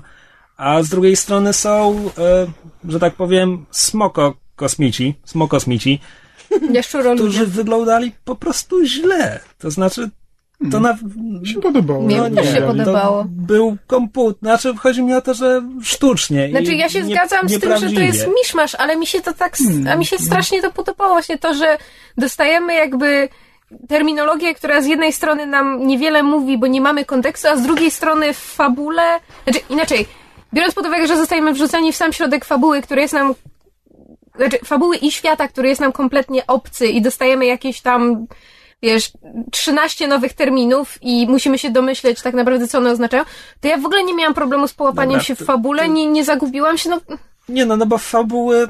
ale nie, no, Trudno no, się chodzi mi, pogubić. chodzi mi właśnie o, raczej o, o ten wycinek świata, który nam zostaje pokazany, jakby dla mnie, No dobra, ale bo mówisz, że rzucają nam 13 terminów, ale mamy, czło- mamy człowieka, który ma geny wilka, więc okej, nie nazywają go likantropem, tylko nazywają go likanciarzem, likantem, nie wiem, no wiadomo o co chodzi. Jakoś nie, nie widzę w tym wiele inwencji twórczej. ale nie chodzi o jakąś strasznie dużą oryginalność, tylko raczej właśnie wzięcie takich znanych motywów i zlepienie tego Znaczy, ja to, ja to oglądałem, ja przez cały czas e, oglądania tego filmu miałem wrażenie, że oglądam jakąś adaptację science fiction z lat 80., gdzie to jest po prostu taki zlew fantazy w kosmosie. I to nie ma pasować do siebie. To nie jest przemyślane fajne. na zasadzie, że okej, to co się wydarzyło 100 lat temu, co doprowadziło do tego, że teraz ten świat wygląda w taki sposób i jaki to ma wpływ na politykę tego świata, tylko nie, będą latający szczur, y, jaszczuroludzie. Bo tak, bo będą, bo będą fajnie wyglądać. I będą Okej, teraz ludzie z okej, okay, genami ale- wilka. ale i mi nie przeszka- przeszkadzało mi Mi nie przeszkadzają latający szczuro, szczuro ludzie. jaszczuro ludzi. Nieważne. E, mi przeszkadza, kiedy. Okej, kiedy mamy na przykład informację, że nasza bohaterka mm, kosmicznym zbiegiem okoliczności ma dokładnie ten sam kod genetyczny, co ta tam pani, co zmarła.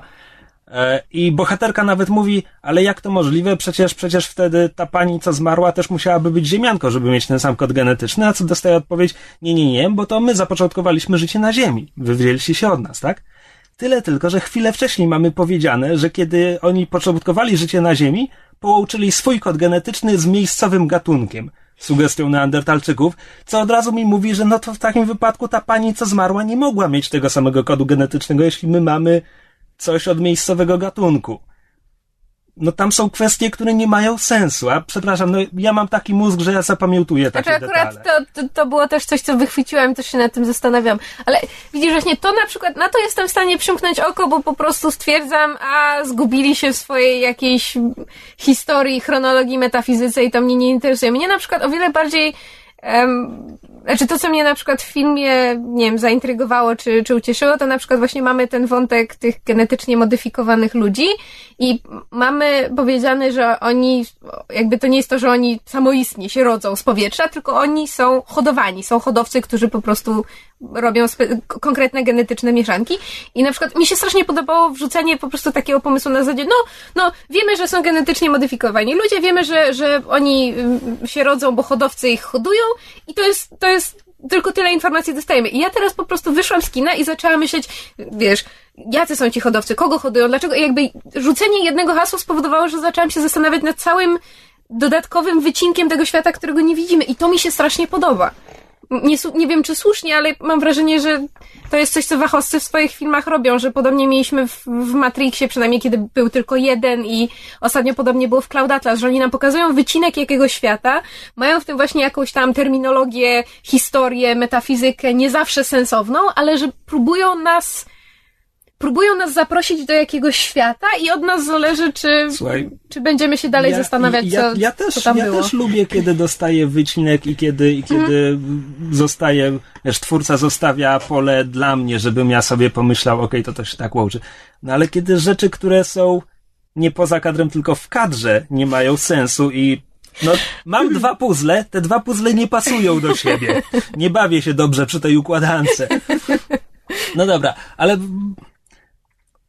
bo okej, bo ja mogę po, pomyśleć, to jest tylko bajka, ktoś opowiada to dziecku na dobranoc, wymyśla na poczekaniu, wiadomo, że tam niektóre fakty nie będą pasować do siebie, nie bądźmy tym złośliwym dzieckiem, które się dopytuje ciągle. Okej, spoko. No ale wtedy dostaję bohaterkę, która prze... Film trwa dwie godziny i mi się wydaje, że ona tak przez godzinę spada, żeby jej kosmiczny wrotkarz mógł ją uratować. A przez pięć minut w finale coś robi. Faktycznie sama z siebie stawia się temu złemu i coś robi. A przez cały film po prostu rzeczy się jej przytrafiają. Ale I bo- ona spada ale w no- ramiona swojego silnego Ale czy, mężczyzny. to akurat ci mogę powiedzieć dlaczego, dlatego że e, czytałam wywiad z, z rodzeństwem Bachowskich i em, oni postanowili, że to, że bohaterka tak często spada jest em, e, metaforą dlatego, że, e, że e, Jupiter is falling for him. Get it? Jezus. O, Jesus. Nie, nie, nie, nie, nie. You are Okej, kidding. dobra. Nope. E, To nie chciałem, bro- chciałem bronić tego filmu, dopóki mi nie powiedziałaś tego jednego zdania. A jeszcze, żeby pogorszyć sytuację, to mogę wam powiedzieć, że tak nie bez powodu powiedziałam, że bohaterka jest Mary Sue. Taką wyjątkowo mało denerwującą, jak na to, jak denerwujące potrafią być Mary Sue. Mianowicie em, postać Jupiter była pośrednio inspirowana Dorotką z e, Czarnoksi- Ksi- Czarnoksiężnika z Krainy Oz. To znaczy tego typu bohaterką, która właściwie nic nie robi, której różne rzeczy się przytrafiają i ona jest bohaterką dlatego, że jest taka dobra i empatyczna i ona się wzrusza losem innych, a nie, że prawda, skopie komuś tyłek, zastrzeli jakiegoś bad guy'a i w ten sposób uratuje świat. Tylko ona jest tą postacią, której rzeczy się przytrafiają. Ona to bierze w siebie i potem reaguje dobrocią. Taki jest, taki jest zamysł za tą postacią. Więc to jest, to jest po prostu space opera, mydlana, skrzyżowana z baśnią i ona ma być śliczna i w miarę rozrywkowa i ewentualnie em, stać się em, ten punktem narodzenia niezliczonej ilości fanfików i fanartów, ale to nie ma być to jest- nic no to- tak rewolucyjnego jak był Matrix. Poza tym film wyszedł w takich, a nie innych czasach. Myślę, że wachowcy nawet nie chcieli stworzyć czegoś równie em, że tak powiem, kultowego i Ja- rewolucyjnego jak ja- Matrix, ja miałem- a mam wrażenie, że bardzo wielu widzów się właśnie tak, Znaczy, takiego ja jakiegoś miałem cały strasznie czas wrażenie właśnie, wywrotowego to filmu jest, spodziewali. że to jest film bardzo retro, że oni właśnie, że wraca. I na to, co powiedziałem, że mi się podobała muzyka, bo, bo muzyka jakby właśnie cofa się, cofa się tak, no, z 15 lat do, nawet może więcej, bo to jest, y, to jest orkiestralna muzyka z chórami. Co jakby już ostatnim czasem to mamy Hansa Zimmera, mamy Ramina Djawadi, gdzie mamy mocne, mocne uderzenia, jakby perkusja głównie e, prowadzi całą, całą linię melodyczną, a co, coś chcecie powiedzieć Tak. oboje? Em, ciekawostka, którą wyczytałam, muzyka powstała przed filmem. Film jest dopasowany do muzyki, a nie muzyka do filmu. No proszę. No, Okej, no to, dru- druga ciekawostka, e, to jest ten sam kompozytor co do nowych Star Treków Abramsa. Gia- Giacomo? E, Michael Gia- Giacchino. Giacchino, Giacchino. Giacchino, właśnie. Nie I Giacchino, czy ja, motyw, włoskie nazwisko. motyw, który towarzyszy e, złemu statkowi kosmicznemu jest niemal identyczny w Jupiterze i w pierwszym Star Treku. O, to wiesz co, dla muzyką mnie chyba przekonaliście, bo ja nie cierpię e, takich właśnie spadających w cudzysłowie bohaterek, Ale muzykę Giacchino czy Giacchino Wiesz co, No, bardzo cenię. Wizualnie jest strasznie fajne, myślę, że warto, bo ty lubisz science fiction, więc myślę, że po prostu p- pro forma obejrzyj, napisz co No, tylko, że myślisz. bezboleśnie, po prostu nie będę chyba wydawać na to pieniędzy. Słuchajcie, bo Może jeśli- kogoś pożyczę, no, jak już wyjdzie na DVD. nie no, pod względem designu jest bardzo fajnie, jakby jest zaprojektowany i stworzony bardzo ładnie. Tylko, że ja, ja mam też taką, mm, taki myk, że ja się nie bawię dobrze na filmach, które, które jak się, jeśli film jest głupi, ale fajny, to, to po prostu polewajcie, dajcie więcej, chcę więcej. Ale jak film jest y, głupi i niefajny, w sensie nie bawię się na nim dobrze, no to już, już mi się nie chce. Znaczy, ja mam wrażenie, że na Ja się Jupiterze bardzo można dobrze. się dobrze bawić. Myśmy ze Zwierzem bawiły się fantastycznie, ale myśmy szły z właśnie nastawieniem pod tytułem, wiesz, bo myśmy widziały trailery, no i już w trailerach widać, że na przykład Eddie Redmayne, który gra teoretycznie tego głównego złego, no to po prostu jest, wiesz, taki... On mówi szeptem i z takim kamiennym wyrazem twarzy, ale potem wybucha! I to jest takie szalenie dramatyczne. I po prostu myśmy na tej podstawie wiedziały, na co się piszemy. No to jest po prostu, wiesz, klisza i dramatyzm i opera mydlana. Ale kosmosie. właśnie bazując na tym mam pytanie, czy, czy ten film się bierze sam siebie na serio, czy on jest Nie. jakiś strasznie Nie. poważny, czy, czy zdaje sobie sprawę, że jest taką właśnie space operą dla zabawy i, i są Nie, jakieś... on, on, on nawet zapomina o poważnych kwestiach, które w pewnym momencie wprowadza, bo tam w pewnym momencie dowiadujemy się, ile, ile istot ginie w tym wszechświecie ze względu na model biznesowy, który tam panuje i ten motyw zostaje kompletnie zapomniany potem, więc... Znaczy, e, my się kłóciliśmy z Krzyśkiem jadąc samochodem na temat e, jakby porównania do e, piątego elementu. Gdzie Który jakby, jest dla mnie nieporównanie lepszym filmem. Tak, a gdzie... Ha, nie wpadłam na Chociaż jest, chociaż jest równie głupi pod wieloma względami. No właśnie, True, że true. jest właśnie ten poziom jakby głupoty, gdzie to, Abstrakcji. tak, gdzie to, no nie ma sensu. No i mamy w piątym elemencie, gdzie miłość jest piątym elementem i no, no, no to nie da się tego brać na poważnie. No i film też się nie bierze na poważnie i są sceny, które są kompletnie komediowe w filmie, który jest o tym, że za chwilę, zni- za chwilę zniszczy cały świat i mamy jakąś wielką złą Tak, istotę, tak, tak. która sprawia, że krew ludziom płynie z czoła, no. Ja, ja zawsze myślałem, że on ma brylantynę we włosach i po prostu się poci w tym momencie. Natomiast e, piąty element jest do tego stopnia umowny, że tam e, scenografia jest zrobiona z folii e, aluminiowej i film tego nie ukrywa, kiedy Lilu przebija się przez ścianę, e, ściana w cudzysłowie. Więc jakby piąty element jest, jest bardzo umowny. Nie jestem pewien, że, że dostrzegam tę samą umowność w Jupiterze. Znaczy, Nie, ja właśnie, nie moim zdaniem to ale... jest właśnie umowność. No ja mówię, ja przez cały czas miałem te skojarzenia, że to jest, że ja oglądam film z lat 80., tylko że Właśnie stworzony ja mam wrażenie, że. Wachosy umowność zastosowali w, w jakby w samym gatunku space opera, że oni zrobili operę w tym takim sensie, że wszystko jest udramatycznione i nie do końca do siebie pasuje i, i, i że to są klisze, no jakby... Wiecie, ja czytam taki pop-up book, gdzie po prostu przewracam stronę i nagle mi się otwiera jakaś y, scen scenografia wielka i jakieś potwory, potwory wyskakują, ale no to Bardzo- nie jest, bardzo a, słuszne- to, a słowa nie mają tam większego znaczenia. Bardzo słuszne było twoje skojarzenie z książką dla dzieci, bo film ma też taką konstrukcję bardzo epizodyczną, Mhm. gdzie mamy po prostu epizod na tej planecie, epizod z tą postacią, epizod no, z tą w postacią momencie- i potem już nigdy ich nie W momencie, widzimy. kiedy się dowiadujemy, że jest trójka rodzeństwa, to właściwie wiadomo, że bohaterka pozna jedno z rodzeństwa, potem pozna drugie z rodzeństwa, potem pozna trzecie z rodzeństwa. To jest jakby, no, Złą, gorszego i najgorszego. Tak, tylko, że jeszcze by ten, wiesz, tak miałem wrażenie, że będą jakieś, wiesz, machinacje między nimi, a to Nope. nie, to po prostu... Tak, też, też jedno, się tego spodziewałem. Jedno rodzeństwo manipuluje t- tą dziewczyną, potem okej, kończy się i dziewczyna idzie do następnego z, z trójki rodzeństwa i to... tak, no to ma konstrukcję paśnie. Ja zresztą u siebie w recenzji na blogu o tym pisałam, że mam wrażenie, że Wachosy po prostu nakręcili bardzo ładną wizualnie, fajnie pomyślaną, choć niespójną baśń. Byłem pod dużym wrażeniem, nie jestem pewien jakie to było wrażenie, ale byłem pod dużym wrażeniem, gdy film najpierw pierwszym akcie znikąd podał mi kwestię, którą ostatni raz widziałem u Pratchetta, tylko w trochę innej wersji, jak to pszczoły są zakodowane genetycznie, by rozpoznawać arystokrację. Padłem, po prostu padłem. I potem w I love drugim, dogs. w drugim akcie nie. W drugim akcie nagle dostajemy, nawet nie mogę powiedzieć, że scenę zainspirowaną, tylko scenę po prostu wziętą z 12 prac Asterixa.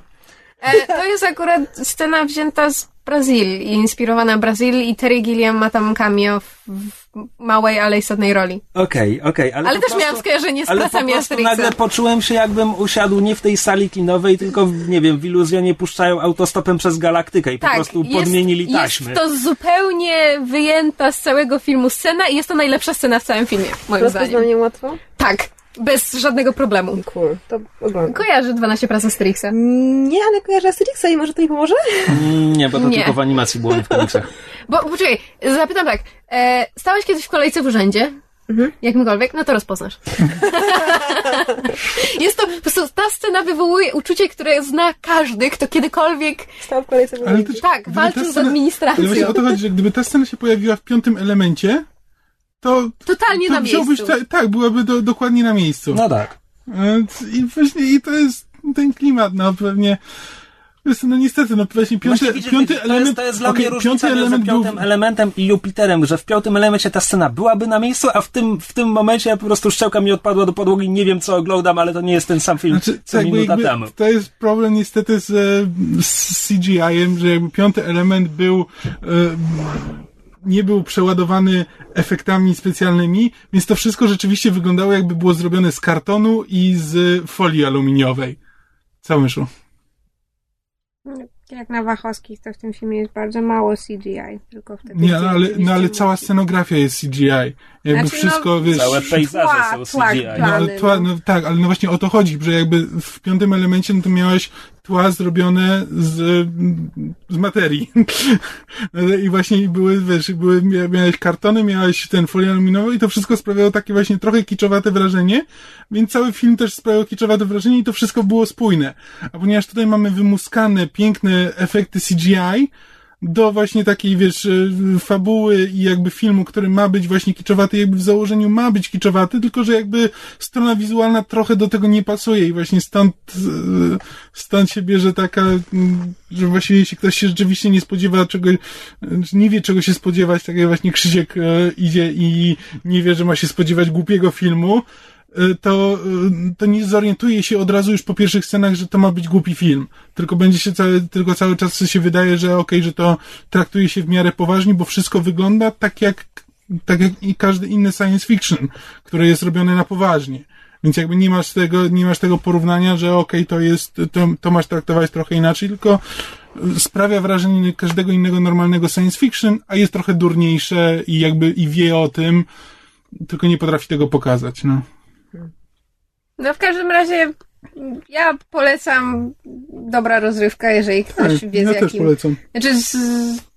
wie, wie na co idzie, o, może Dobra. w ten sposób. A ponieważ ja bardzo chcę, żeby nasi słuchacze, jeśli na to pójdą, to w przeciwieństwie do mnie szli z pełną świadomością na co idą, więc powiem jeszcze tylko jedno. Nazwałem postać Channinga Tatuma kosmicznym wrotkarzem, ponieważ on jest komandosem z butami antygrawitacyjnymi, na których jeździ jak na wrotkach. Jest to jego główna cecha charakteru. E, Znaczy Kiedy... na łyżwach. Mniejsza z tym. Kiedy więc kosmiczny łyżwiarz... rolkach. Albo na rolkach. Wrotki trochę inaczej działają. Więc kiedy kosmiczny łyżwiarz trafia do więzienia, nikt mu nie zabiera tych kosmicznych wrotek. Więc to, to jest poziom filmu, na który trzeba się przygotować idąc. I jakby wiedząc o tym, myślę, że można się dobrze bawić. Ja nie wiedziałem. Jaki z tego morał? Wiedz, na co idziesz do kina. Albo obejrzyj jeszcze raz Strażników Galaktyki. U, dobry plan. Mhm. Spróbujcie raz, zanim ktoś... A następny film, na który na pewno idziemy, to będzie Kingsman Tajne Służby.